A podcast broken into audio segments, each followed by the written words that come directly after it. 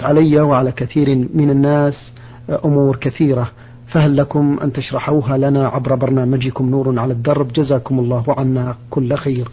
يسأل فضيلة الشيخ ويقول ما حكم قول صدق الله العظيم عند نهاية كل قراءة من القرآن الكريم؟ بسم الله الرحمن الرحيم الحمد لله رب العالمين والصلاة والسلام على نبينا محمد وعلى آله وأصحابه أجمعين. قبل الإجابة على هذا السؤال أود أن أبين ما ذكره أهل العلم. قاطبة بأن العبادة لا بد فيها من شرطين أساسيين. أحدهما الإخلاص لله عز وجل والثاني المتابعة لرسول الله صلى الله عليه وسلم. اللهم صل وسلم عليه. أما الإخلاص فمعناه أن لا يقصد الإنسان بعبادته إلا وجه الله والدار الآخرة فلا يقصد جاها ولا مالا ولا رئاسة ولا أن يمدح بين الناس بل لا يقصد إلا الله والدار الآخرة فقط. وأما الشرط الثاني فهو الاتباع للنبي صلى الله عليه وسلم بحيث لا يخرج عن شريعته.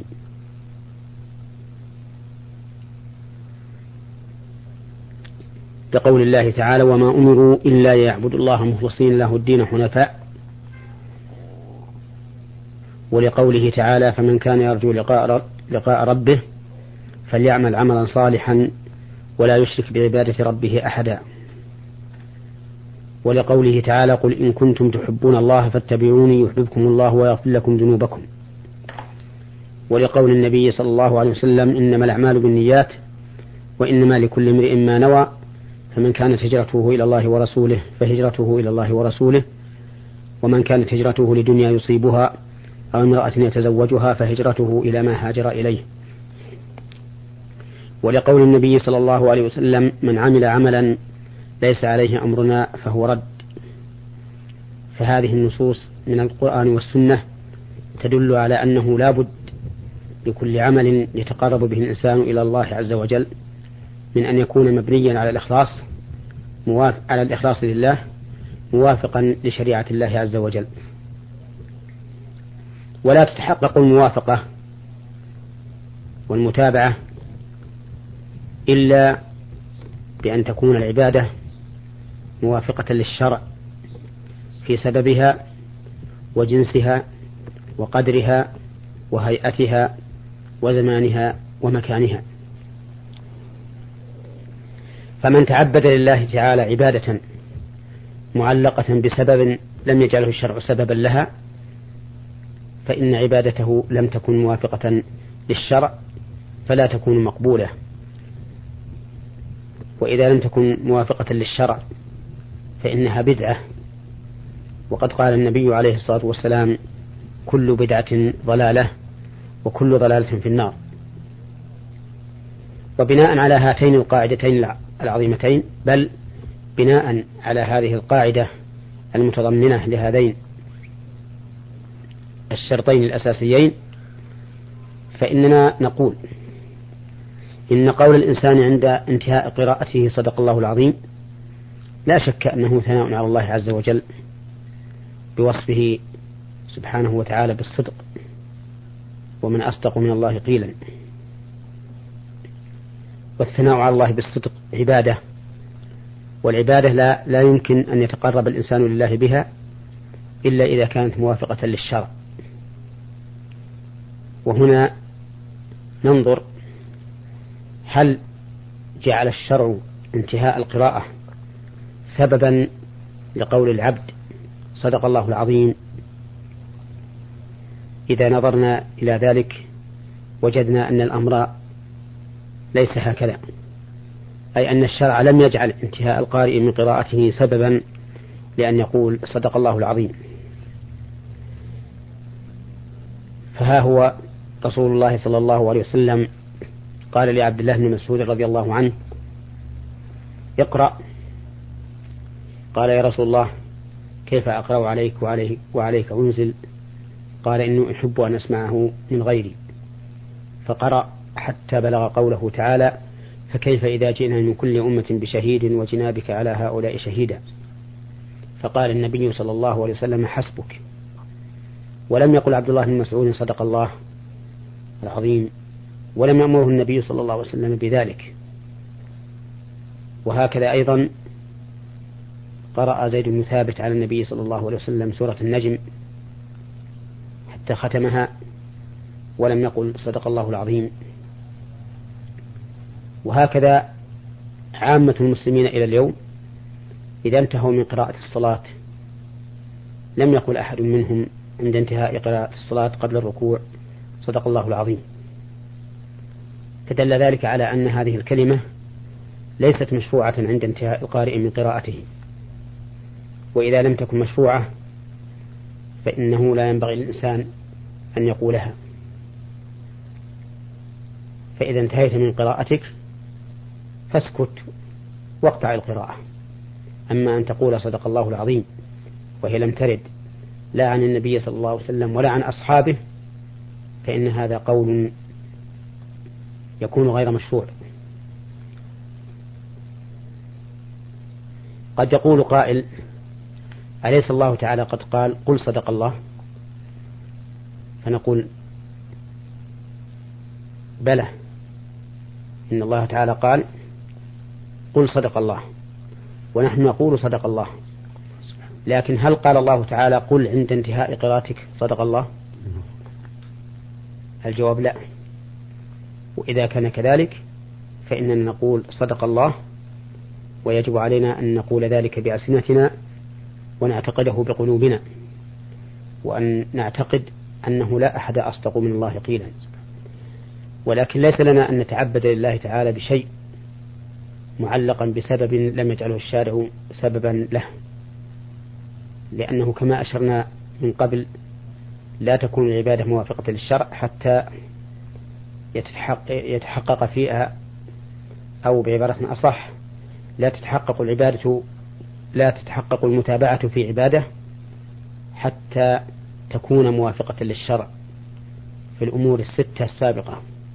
أن تكون موافقة للشرع في سببها وجنسها وقدرها وصفتها وزمانها ومكانها. وبناء على ذلك فلا ينبغي للقارئ إذا انتهى من قراءته أن يقول صدق الله العظيم. نعم. بارك الله فيكم وعظم الله مثوبتكم. أيضا ما حكم الشرع في نظركم الشيخ محمد في ترك الأهل ومقاطعتهم؟ السبب معاصيهم وتركهم للصلاة والواجبات. نرجو بهذا إفادة أيضا. لا شك أن الأهل والأقارب لهم حق على الإنسان حتى وإن كانوا كافرين. لقول الله تعالى ووصينا الإنسان بولديه حملته أمه وهنا على وهن وفصاله في عامين. أن اشكر لي ولوالديك إلي المصير. وإن جاهداك على أن تشرك بي ما ليس لك به علم فلا تطعهما وصاحبهما في الدنيا معروفا.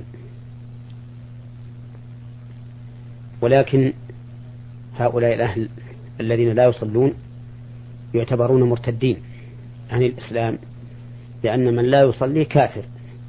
كما دل على ذلك كتاب الله وسنة رسوله صلى الله عليه وسلم وأقوال الصحابة رضي الله عنهم. بل قد حكاه بعض العلماء إجماع إجماعا. فإذا كانوا تاركين للصلاة فهم مرتدون عن دين الإسلام. ولا يجوز للإنسان أن يخالطهم. اللهم إلا على سبيل النصيحة. أن يذهب إليهم وينصحهم. ويبين لهم ما في هذه الردة من الخزي والعار في الدنيا والآخرة لعلهم يرجعون. فإن أصروا على ذلك فلا حق لهم وتجب ويجب هجرهم ومقاطعتهم. ولكني أسأل الله عز وجل أن يرد هؤلاء وغيرهم ممن ابتلوا بهذه البلية العظيمة أن يردهم إلى الإسلام حتى يقوموا بما أوجب الله عليهم من الصلوات وغيرها. اللهم آمين.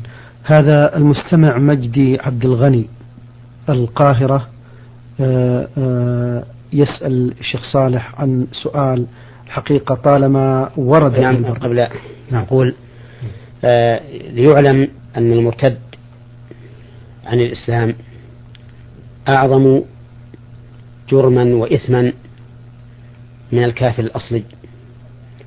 لأن الكافر الأصلي يقر على دينه الذي هو عليه وإن كان باطلا.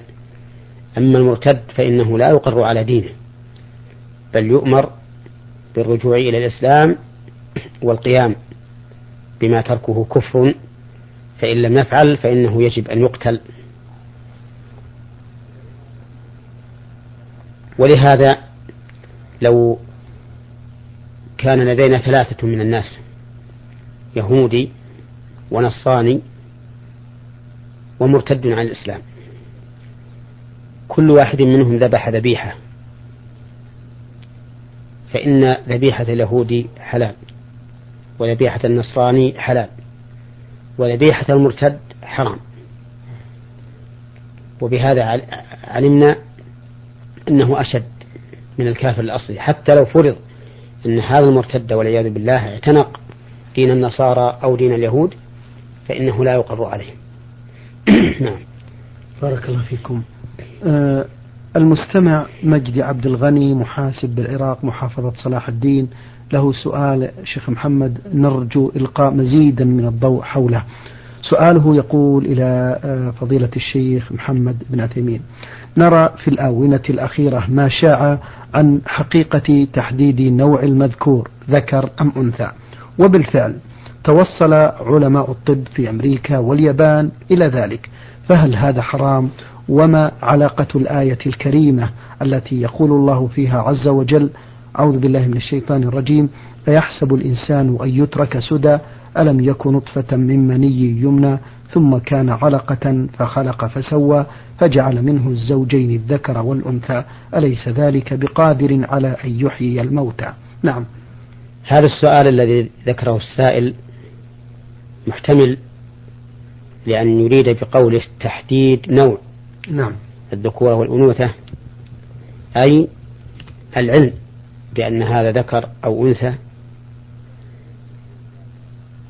ويحتمل أن يكون مراده تحديد نوع الذكر والأنثى آه، أن أن يجعلوا هذه النطفة ذكرا نعم. أو أن يجعلوها أنثى نعم.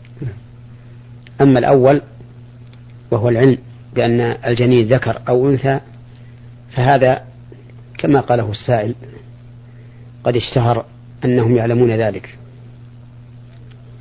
وهذا العلم لا ينافي ما جاءت به النصوص من كون الله سبحانه وتعالى يعلم ما في الأرحام. فإن الله تعالى يعلم ما في الأرحام بلا شك ولا ينافي علمه بذلك أن يكون أحد من خلقه يعلمه. فالله يعلم وكذلك غير غيره يعلم. لكن المعلوم الذي يتعلق بالجنين ينقسم إلى قسمين. قسم محسوس. يمكن للخلق أن يعلم به كالذكورة والأنوثة والكبر والصغر واللون وما أشبه ذلك. فهذا يكون معلوما عند الله عز وجل. ويكون معلوما عند من يتوصل إلى علمه بالوسائل الحديثة. ولا منافاة بين الأمرين. وأما المعلوم الثاني للجنين فهو المعلوم الذي ليس بمحسوس يدرك وهو علم ماذا سيكون مآل هذا الجنين. هل يخرج حيا أو ميتا؟ وإذا خرج حيا فهل يبقى طويلا في الدنيا أو لا؟ وإذا بقي فهل يكون عمله صالحا أم سيئا؟ وإذا بقي أيضا فهل يكون رزقه واسعا أو ضيقا؟ وما أشبه ذلك من المعلومات الخفية التي ليست بحسية فهذا النوع من المعلوم المتعلق بالجنين هذا لا يعلمه إلا الله عز وجل. ولا يستطيع أحد أن يعلمه. ومن ادعى علمه فهو كاذب ومن صدقه في ذلك فقد كذب قول الله عز وجل قل لا يعلم من في السماوات والأرض الغيب إلا الله. أما الاحتمال الثاني مما يحتمله سؤال السائل وهو أن أنهم توصلوا إلى أن يجعلوا الذكر أنثى أو الأنثى ذكرا فهذا لا يمكن لأن هذا يتعلق بخلق بخلق الله عز وجل وهو الذي بيده التذكير والتأنيث. فلا يمكن لأحد من المخلوقين أن يجعلوا ما قدره الله ذكرا أنثى ولا يمكن أن يجعلوا ما قدره الله أنثى ذكرا. يقول الله عز وجل لله ملك السماوات والأرض يخلق ما يشاء يهب لمن يشاء إناثا ويهب لمن يشاء الذكور أو يزوجهم ذكرانا وإناثا ويجعل من يشاء عقيما إنه عليم قدير. وكذلك الآية التي ساقها السائل ألم يكن نطفة من مني يمنى ثم كان علقة فخلق فسوى؟ فجعل منه الزوجين الذكر والأنثى. فالذي أقوله الآن إن هذا أمر غير ممكن. وكما أنهم لا يستطيعون أن يجعلوا الذكر المولود أنثى والأنثى المولودة ذكرا فكذلك لا يمكنهم أن يجعلوا الجنين الذي قدره الله ذكرا أن يجعلوه أنثى أو بالعكس. هذا ما أعتقده في هذه المسألة. نعم. بارك الله فيكم. آه، من جمهورية مصر العربية محافظة المينيا آه، أحد الإخوة المستمعين آه، أشرف يقول في رسالته يقول بأنه شاب في الخامسة عشرة من العمر مقيم للصلاة بفروضها ولكن يقول يقابلني مشكلة وهي وسواس النفس فوسواسي على الخالق مع أنني مؤمن ومتحمس شديد الإيمان فهذه تضايق تضايقني كثيرا فكيف أتخلص منها؟ أفادكم الله. هذه الوساوس التي تأثر الإنسان المؤمن ليست بغريبة وليست بدعا من الأمر بل هي قديمة. شكى منها الصحابة إلى رسول الله صلى الله عليه وسلم وكلما دخل الإيمان في القلب واستقر فيه حدثت مثل هذه الوساوس لأن الشيطان يريد أن يفسد على المرء إيمانه. فيدخل عليه هذه الوساوس لكن المؤمن لا يركن إليها. حتى وإن وردت على قلبه فإنه يرفضها ولا يقبلها. ولهذا لو سئل مصارحة هل تعتقد في الله نعم. عز وجل ما كنت توسوس به الآن؟ لقال لا. قطعا. وهذا يدل على أن قلبه قد رفض هذه الوساوس التي يلقيها الشيطان. لكن الشيطان يجعل هذه الوساوس ظلا على القلب ويحاول أن يقذفها فيه بقدر, بقدر ما يستطيع. ولكن المؤمن يرفضها رفضا باتا. ودواء ذلك أن تستعيذ بالله من الشيطان الرجيم وأن تنتهي عنها وتعرض إعراضا كليا. فالاستعاذة بالله من الشيطان الرجيم. استعاذة بالخالق الذي بيده ملكوت كل شيء.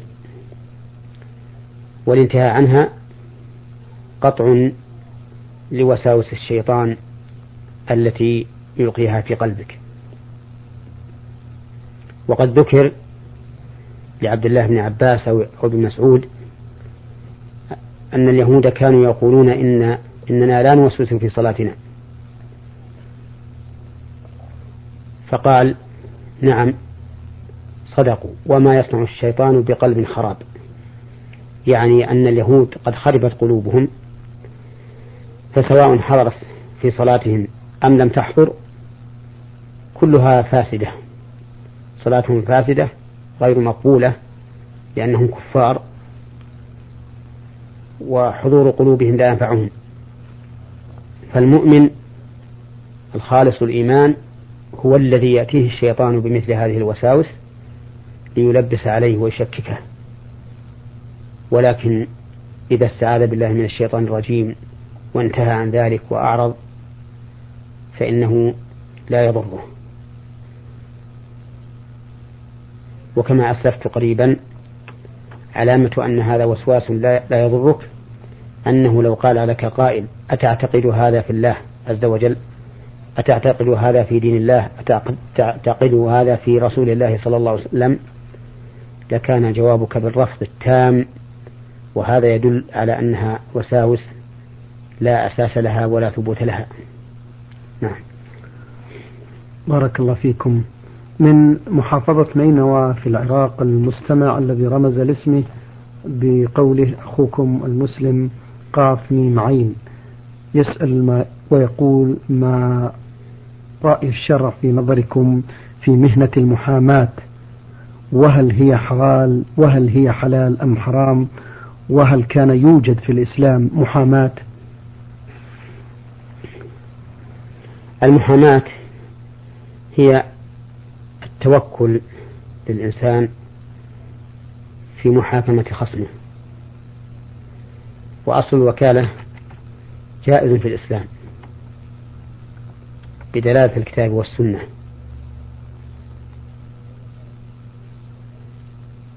والوكالة في الخصومة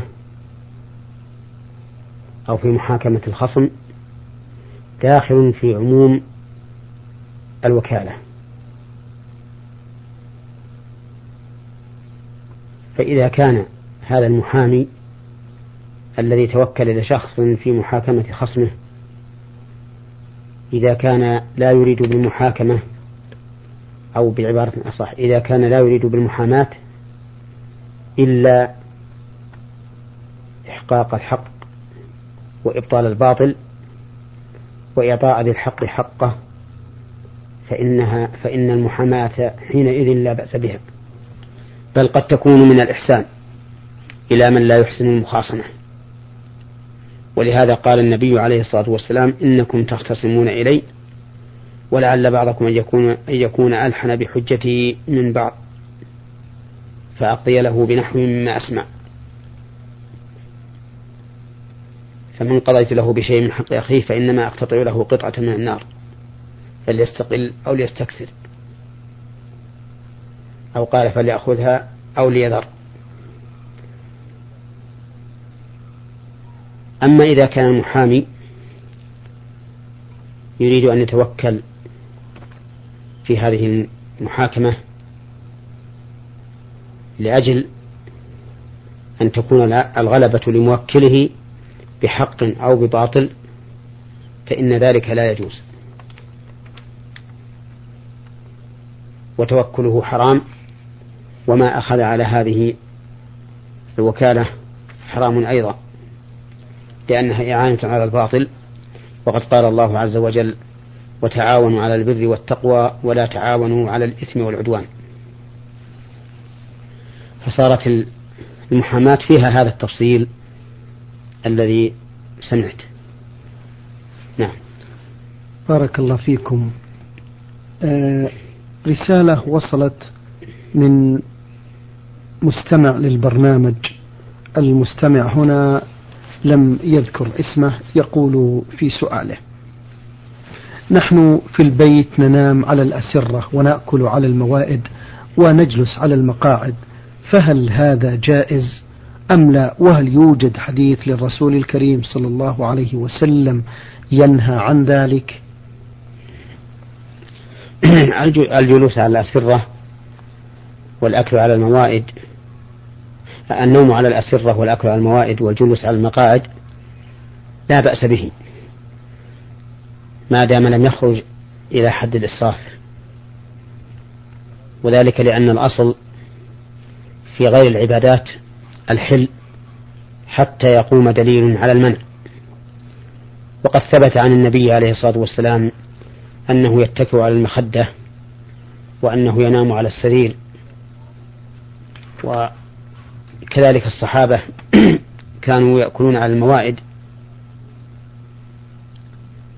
وهذا أمر لا أعلم فيه منكرا. اللهم إلا إذا خرج إلى حد الإسراف. فإن الإسراف يقول الله تعالى فيه ولا تسرفوا إن الله لا يحب المسرفين. نعم. في نهاية هذا اللقاء نشكر الشيخ محمد بن صالح بن عثيمين الأستاذ بكلية الشريعة بالقصيم وخطيب الجامع بمدينة